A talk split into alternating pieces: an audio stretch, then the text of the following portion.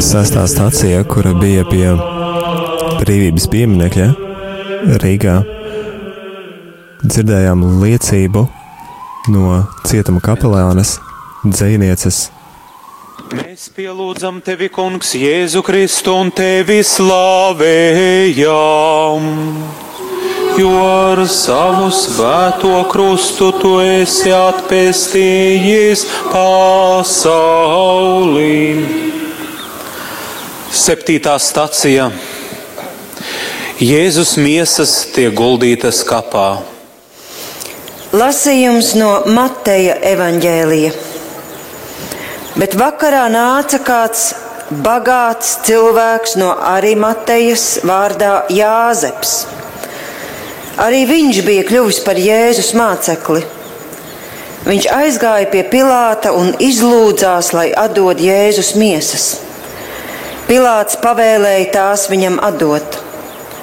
Jāzeps ņēma miesas, ietina tās tīrā audeklā, ielika jaunajā kapā, ko bija izcirtis klintī, pievēla lielu akmeni pie kapa durvīm un aizgāja.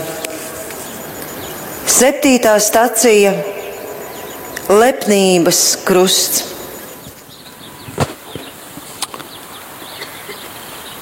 kad es uh, nepazinu Dievu, es biju pārliecināts par to, ka mana dzīve ir atkarīga no tā, cik es būšu spēcīgs, pašpaļāvīgs, darbīgs, mērķtiecīgs.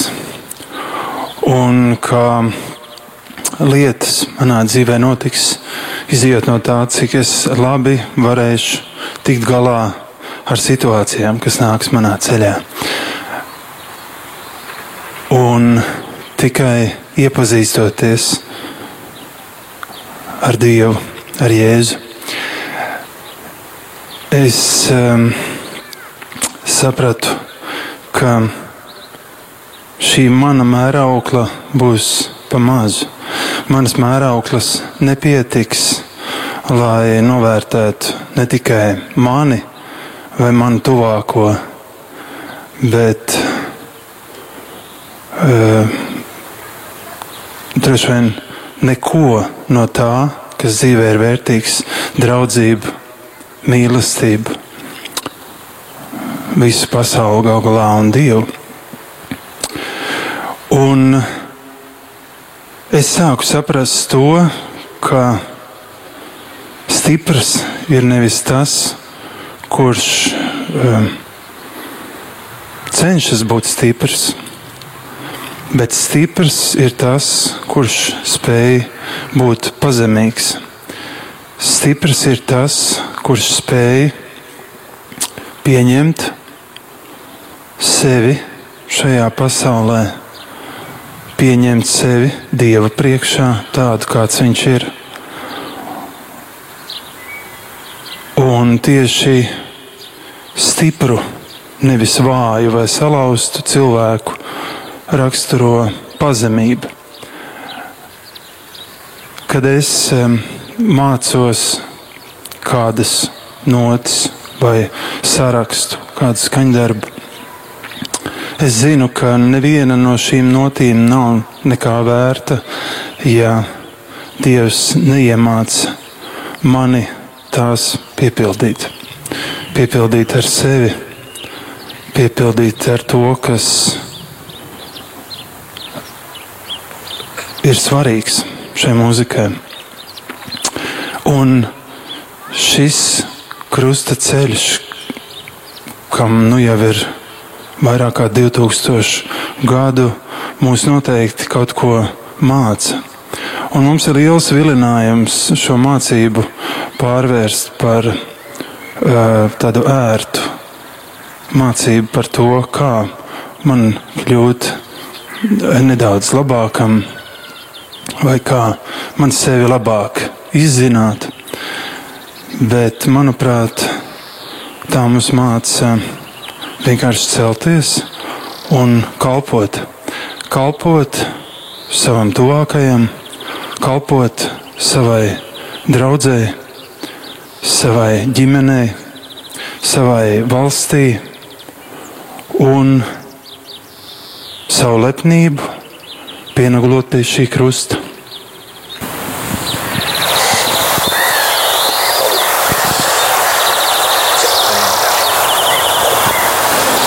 Jēzus miesas tiek guldītas kapā.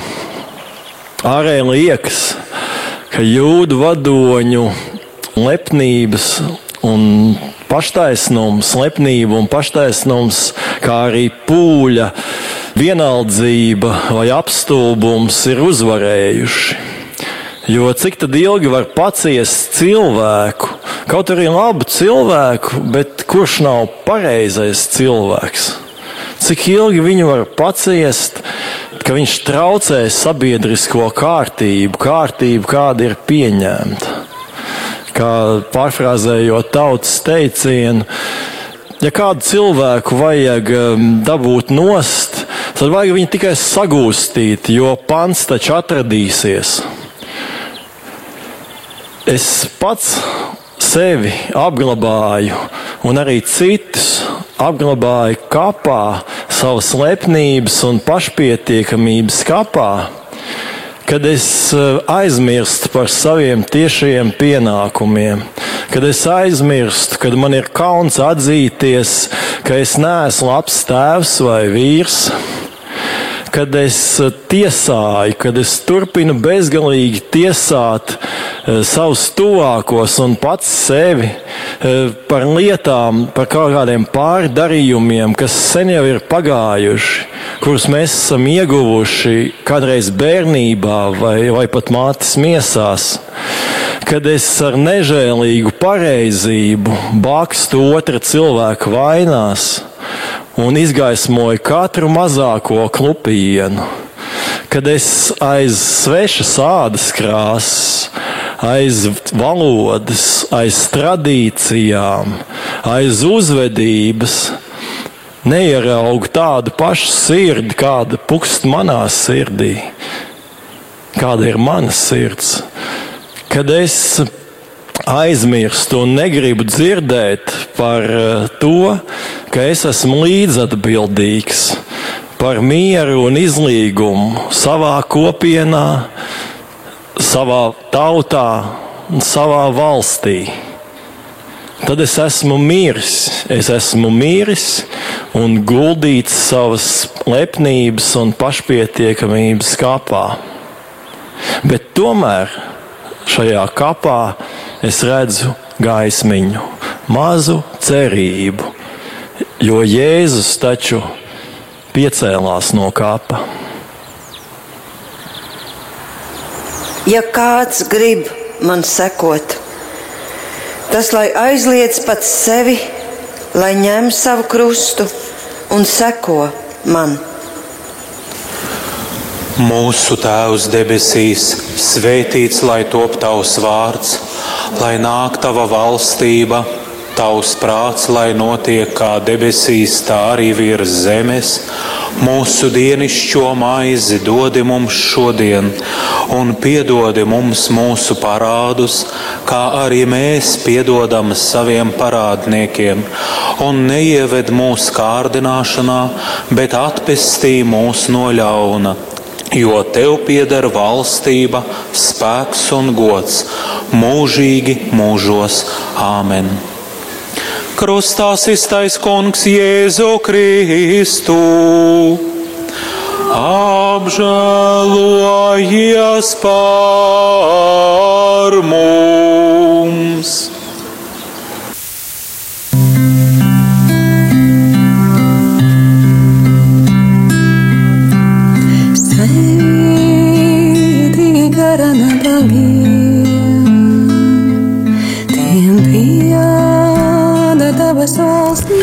Darbie radio klausītāji, sestajā stācijā, kur krusta gājiena piedarošie bija pulcējušies pie brīvības pieminekļa, mēs varējām dzirdēt dzinieces un īļaciemas sieviešu cietuma kapelānes Rudītes Losānas liecību.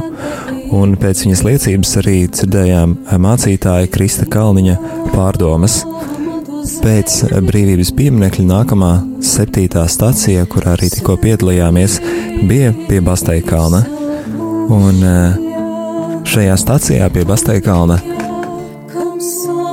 dzirdējām arī dzēnu personisko stāstu, jeb uh, personisku liecību no mūziķa Kaspara Zemīša, un savukārt pārdomas dzirdējām no cietuma kapelāna dienesta vadītāja Mārtiņa Krūkļa.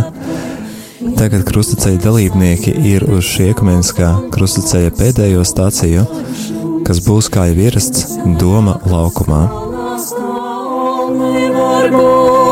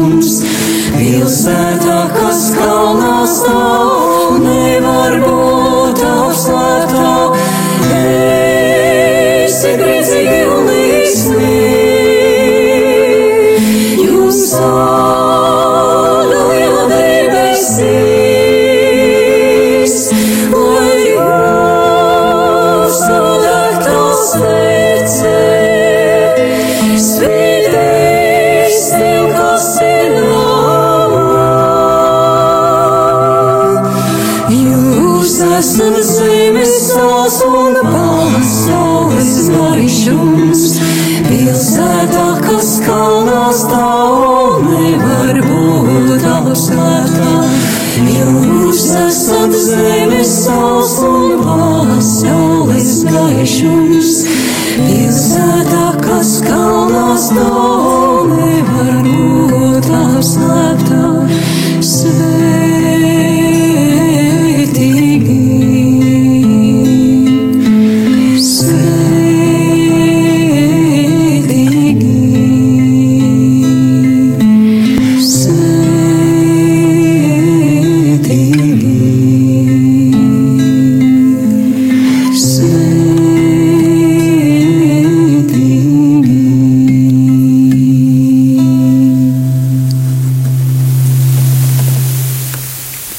Mēs pielūdzam tevi, Kungs, Jēzu Kristu un tevi slavējam.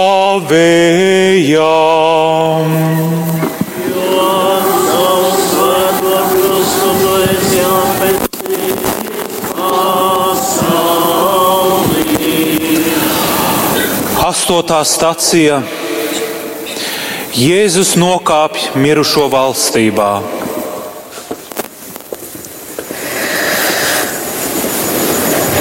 Lasījums no Jāņa atklāsmes grāmatas. Nebīsties! Es esmu pirmais un pēdējais un dzīvais.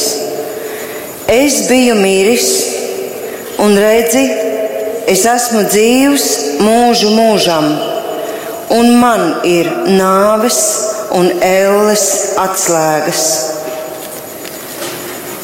Astotā stacija - padošanās krusts.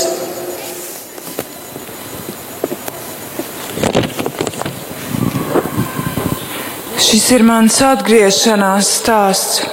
21. februārī brīvība būt mirstīgam. Pat nedomā, kāda miršana, ja tev ir mazi bērni. Šai līdzīgas frāzes savā pusotru gadu ilgajā leikemijas ārstēšanas ceļā esmu dzirdējusi nereiz vien. It kā domāšana par nāvi būtu tās piesaukšana ne tikai citi, bet arī pati sevi tādā veidā esmu centusies sapurināt brīžos, kad manā ticībā brīnumam ir iezagušās šaubas. Jā, nu es tomēr neizveseļošos. Vai domāšana par nāvi ir tās piesaukšana, vai nešaubīšanās, izveseļošanās un brīnuma notikšanas priekšnosacījums? Nē, ne mana domāšana vai nedomāšana, bet dieva griba. Vissvarīgākais ir iegūt paļāvību. 6. martā - brīnišķīga diena. Mans ceļš ved nezināmajā, vēzis ir atgriezies. Es to jūtu. Medicīnisku apstiprinājumu saņēmu pirms nedēļas. Pēkšņi manas ierastās stratēģijas izdomāt loģiski, analizēt, racionalizēt, izskaidrot un izvēlēties pareizo, vislabāko vēlams, ideālo risinājumu, lai izdzīvotu, lai paspētu iespējami vairāk, lai mana eksistence būtu bijusi attaisnota un no manis būtu kaut kāda jēga, un pat beigtais vismaz atmiņās kādam būtu vajadzīga, lai pagūtu pienācīgi atvadīties, ja nu tā būs lemts nekas no tā vairs nedarbojās. Es nezinu nākotni, nevaru to saplānot vai noorganizēt. Te sākas pavisam cits ceļš, pārveidošanās. Viss ir jau šodien. Šodien ir brīnišķīga diena. 13. martā necilas dzīves vērtība Viņas vienkārši ļaujas nokļūt tur, kur ir to īstā vieta, tur, kur var būt tās, kas ir patiesībā. 14. martā bez nosaukuma. Šodien skaidri sapratu, ka visas cīņas par manu dzīvi un dzīvību notiek citā dimensijā.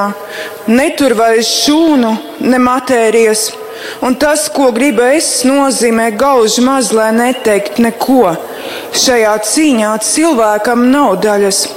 Naktīs dievam prasīja, ko vēl tu no manis gribi? Es jūtos kā salauzta lelle. Tu esi ļāvis mani salauzt. Ceru, ka es vienkārši nesaprotu dieva mīlestību, jo jūtos tā, it kā dievs mani būtu mīlējis par mazu tās pašas dienas vakarā. Vai gan vēl tikai pirms pāris nedēļām es varēju iedomāties, cik ārkārtīgi laimīgs var justies cilvēks slimnīcas gultā, dzīvojot pilnīgā neziņā par rītdienu. Bet šodien atzīstos, patiesībā esmu bijusi briesmīgi dusmīga uz Dievu. Esmu gribējusi viņu kārtīgi pienaglot pie krusta, Tomēr Dievs saprot manas sāpes. Viņš manām naglām ir bijis gatavs. Šajā neziņas mākonī ir ārkārtīgi daudz mīlestības, un man nekas netiek par to prasīts pretī. Man jau arī nekā nav ko dot, tikai prieks un domas, ar kurām gribas dalīties.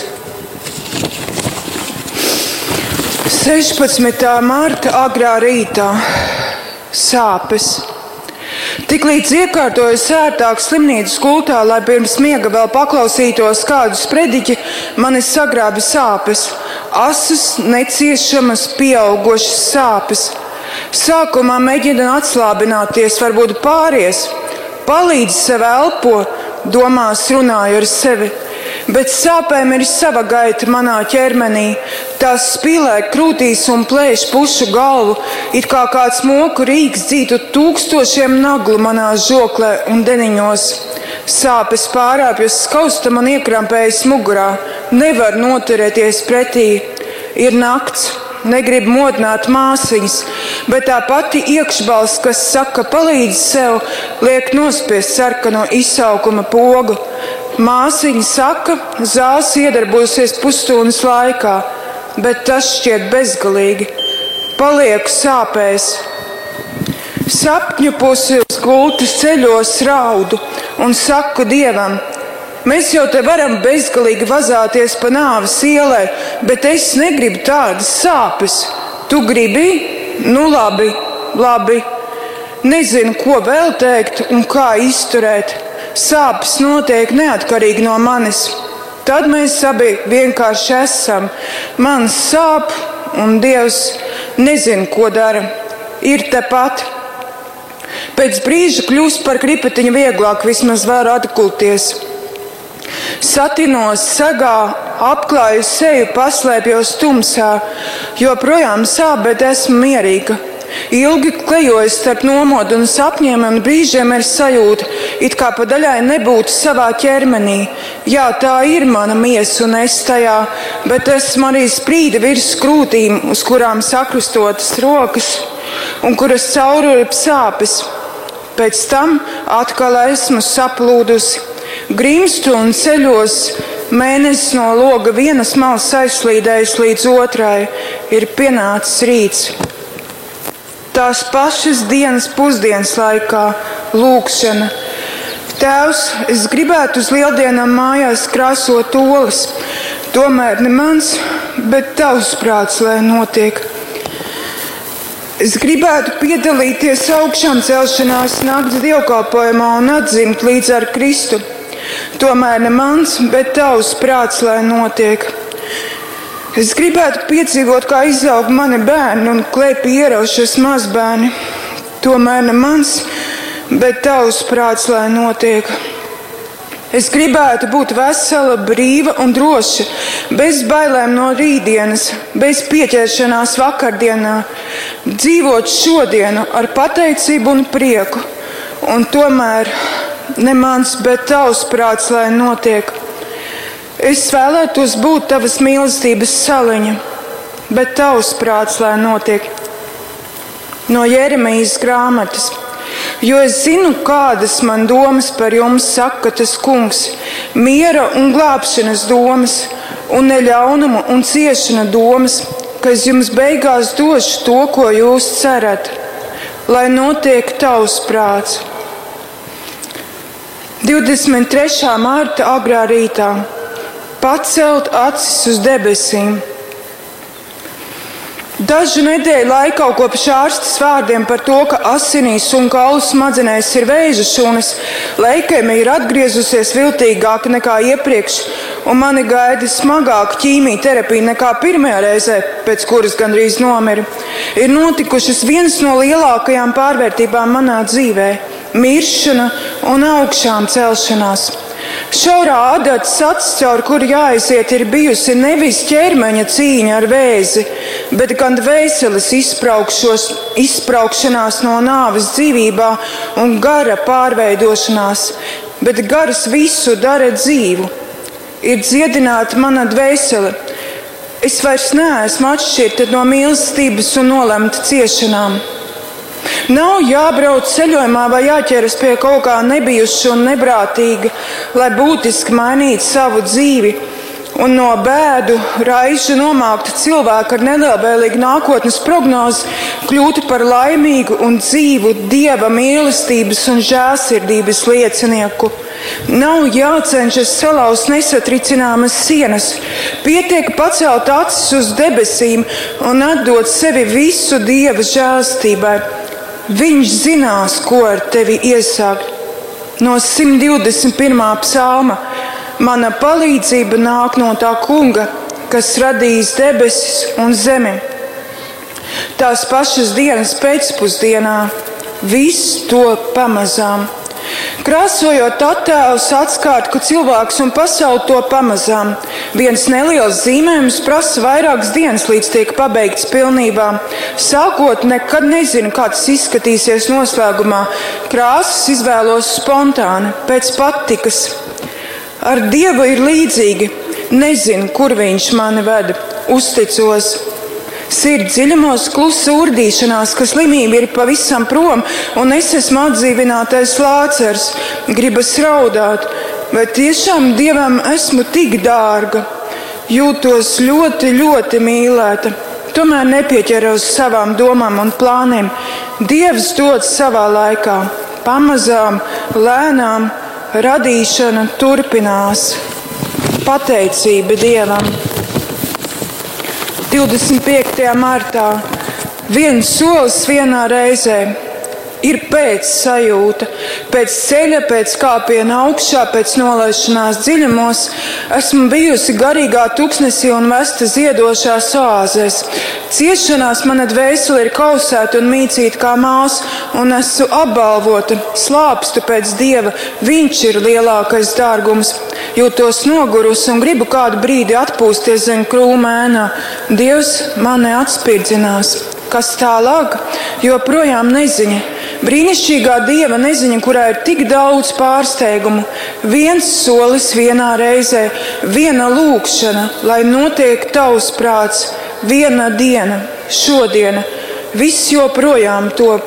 Pateicība Dievam ir sākusies jauna, brīnišķīga diena. 30. martā. Nedzīvojiet tā, it kā Dieva nebūtu. Lielāko daļu mūža pat uzskatot sevi par ticīgu, esmu dzīvojis tā, it kā dieva patiesībā nebūtu, vai arī viņš allaž būtu aizņemts ar citām lietām, pieslēdzoties tikai ārkārtas gadījumos, kad galīgi vairs nav citu variantu. Pagātnē piedzīvotās ciešanas, kurās vissāpīgākais bija atstātības sajūta, šo pārliecību tikai pastiprināja, jo dievam, pareizāk sakot, priekšstatam, kam tolaik ticēja, bija cilvēka, vienaldzīga un nežēlīga cilvēka seja.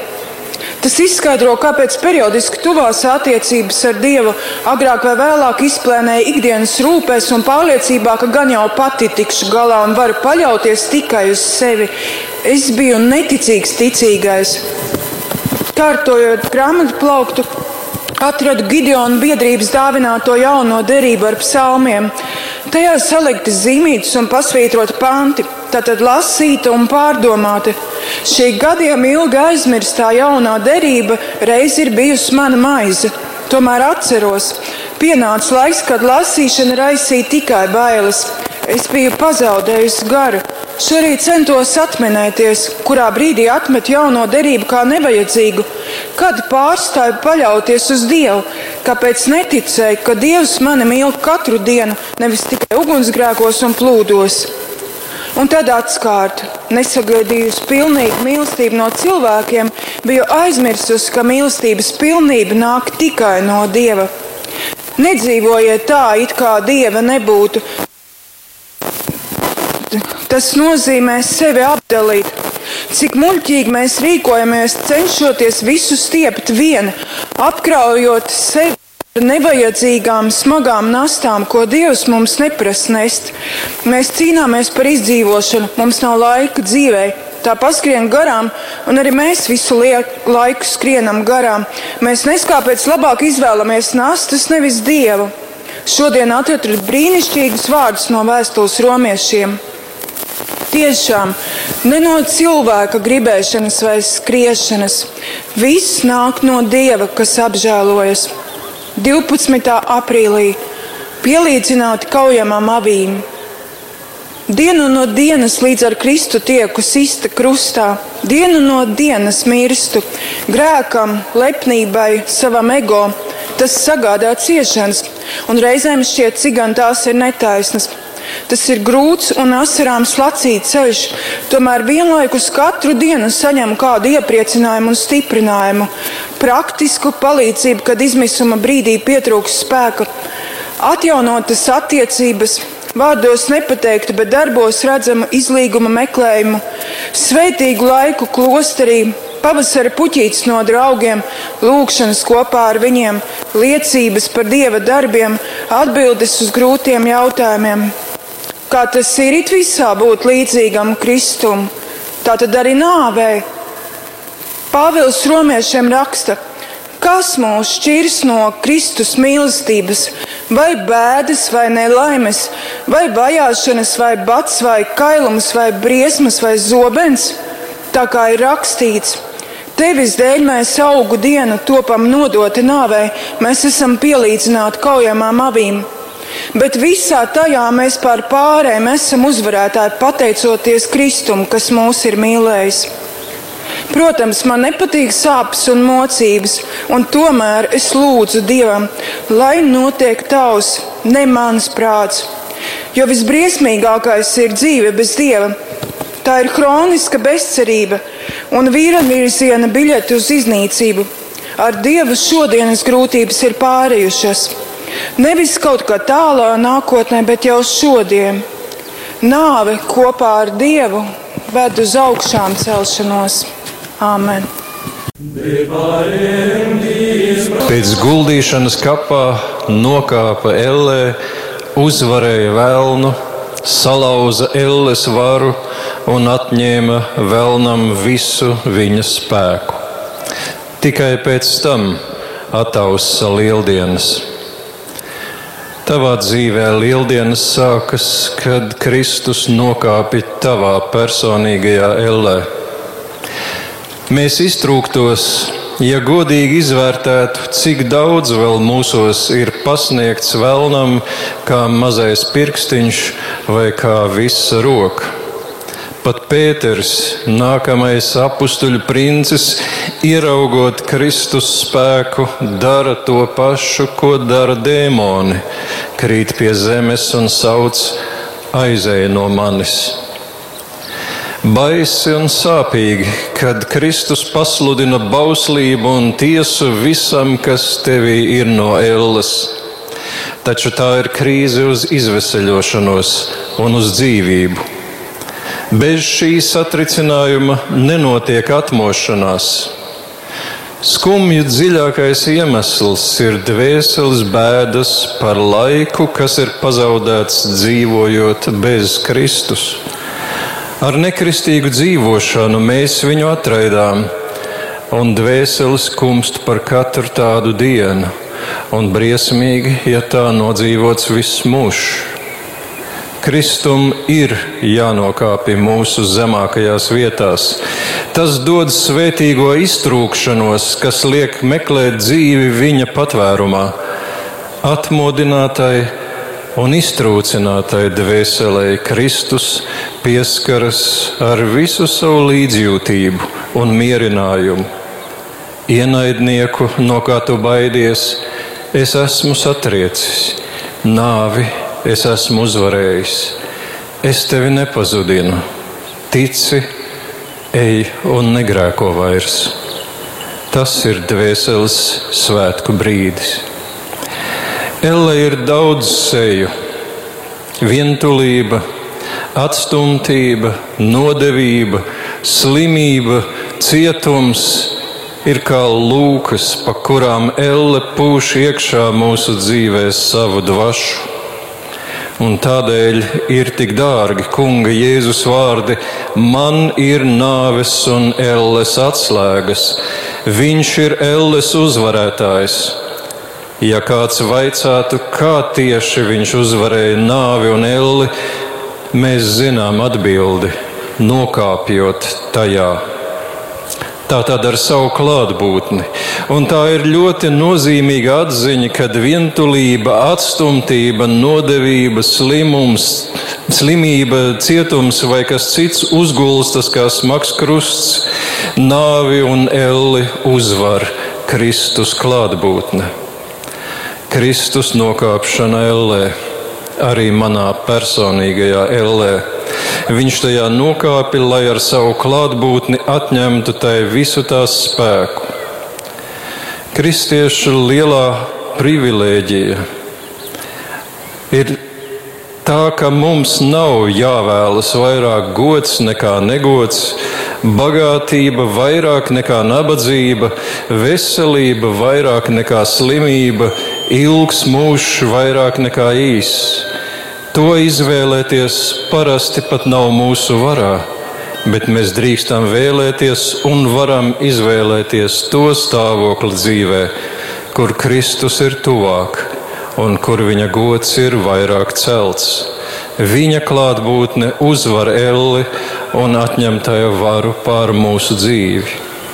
Apostols Pēters raksta, lai nevienam no jums nenāktos ciest kā slepkavam vai zaglim vai ļaundarim vai tādam, kas jaucas svešās lietās, bet, ja jācieš kā kristietim, lai nekaunas, bet lai pagodina Dievu savā kristieša vārdā. Pestītāja Jēzu, paliec mūsu tuvumā. Ja kāds grib man sekot, tas lai aizliedz pats sevi, lai ņem savu krustu un seko man.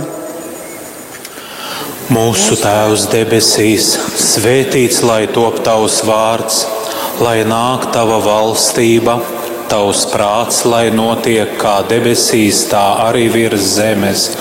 Mūsu dienascho maizi dod mums šodien, un piedod mums mūsu parādus, kā arī mēs piedodam saviem parādniekiem, un neieved mūsu kārdināšanā, bet atpestī mūs no ļauna jo tev pieder valstība, spēks un gods mūžīgi mūžos.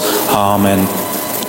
Krustā iztais kungs Jēzu Kristu.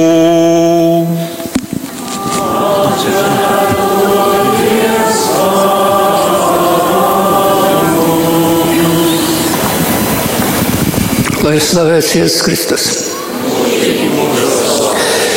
Šodien pirms krustaceļa pienāca laikam reportieri un jautāja, kāpēc tas krustaceļš un kāda tam jēga.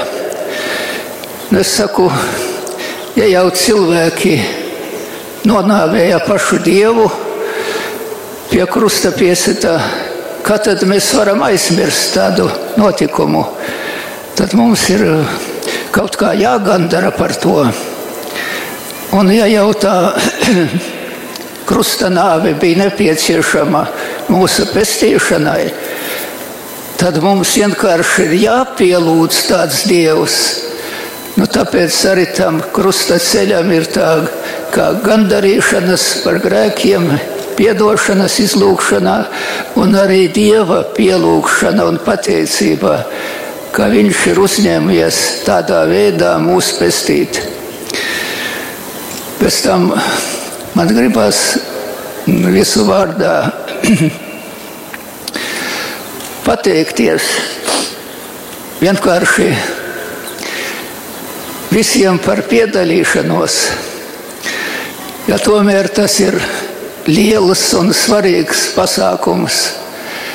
Ja pilsētas ļaudis ja gadus atcerās šo lielo pestīšanas notikumu, saprotams, ka, lai norganizētu tādu e, notikumu, ir vajadzīga sagatavošanās. Un patīkami, ka šogad lāji ir ne tikai garīdznieki uzstājās, viņi ar savām liecībām Tā kā vienkārši liela pateicība visiem par tādu pasākumu, jo cerams, ka tā, šī tradīcija neapstāsies un tā ir jāturpina. Tā kā Dievs, lai svētī pilsētu un tās pilsoņus. Paldies!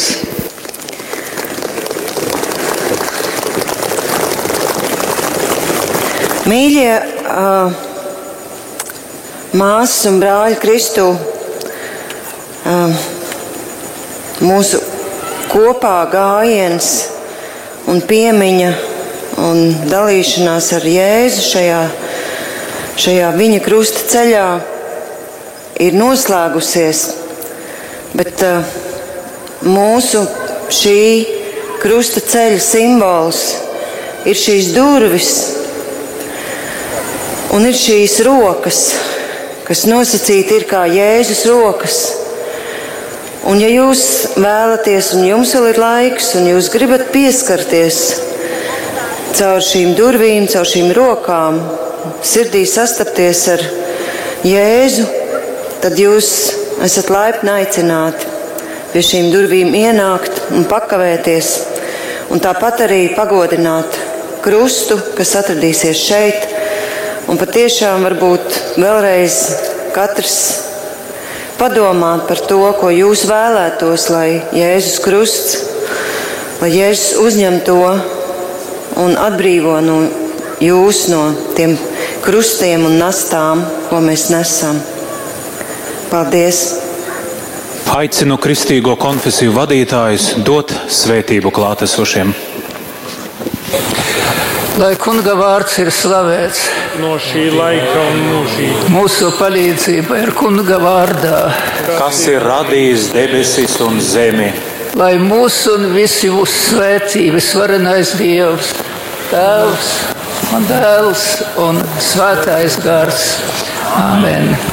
Trijos faktiski sākās, man šķiet, visās baznīcās dievkalpojums. Acīm redzot, ir jāsteidzās. Jā. Pateicība Dievam!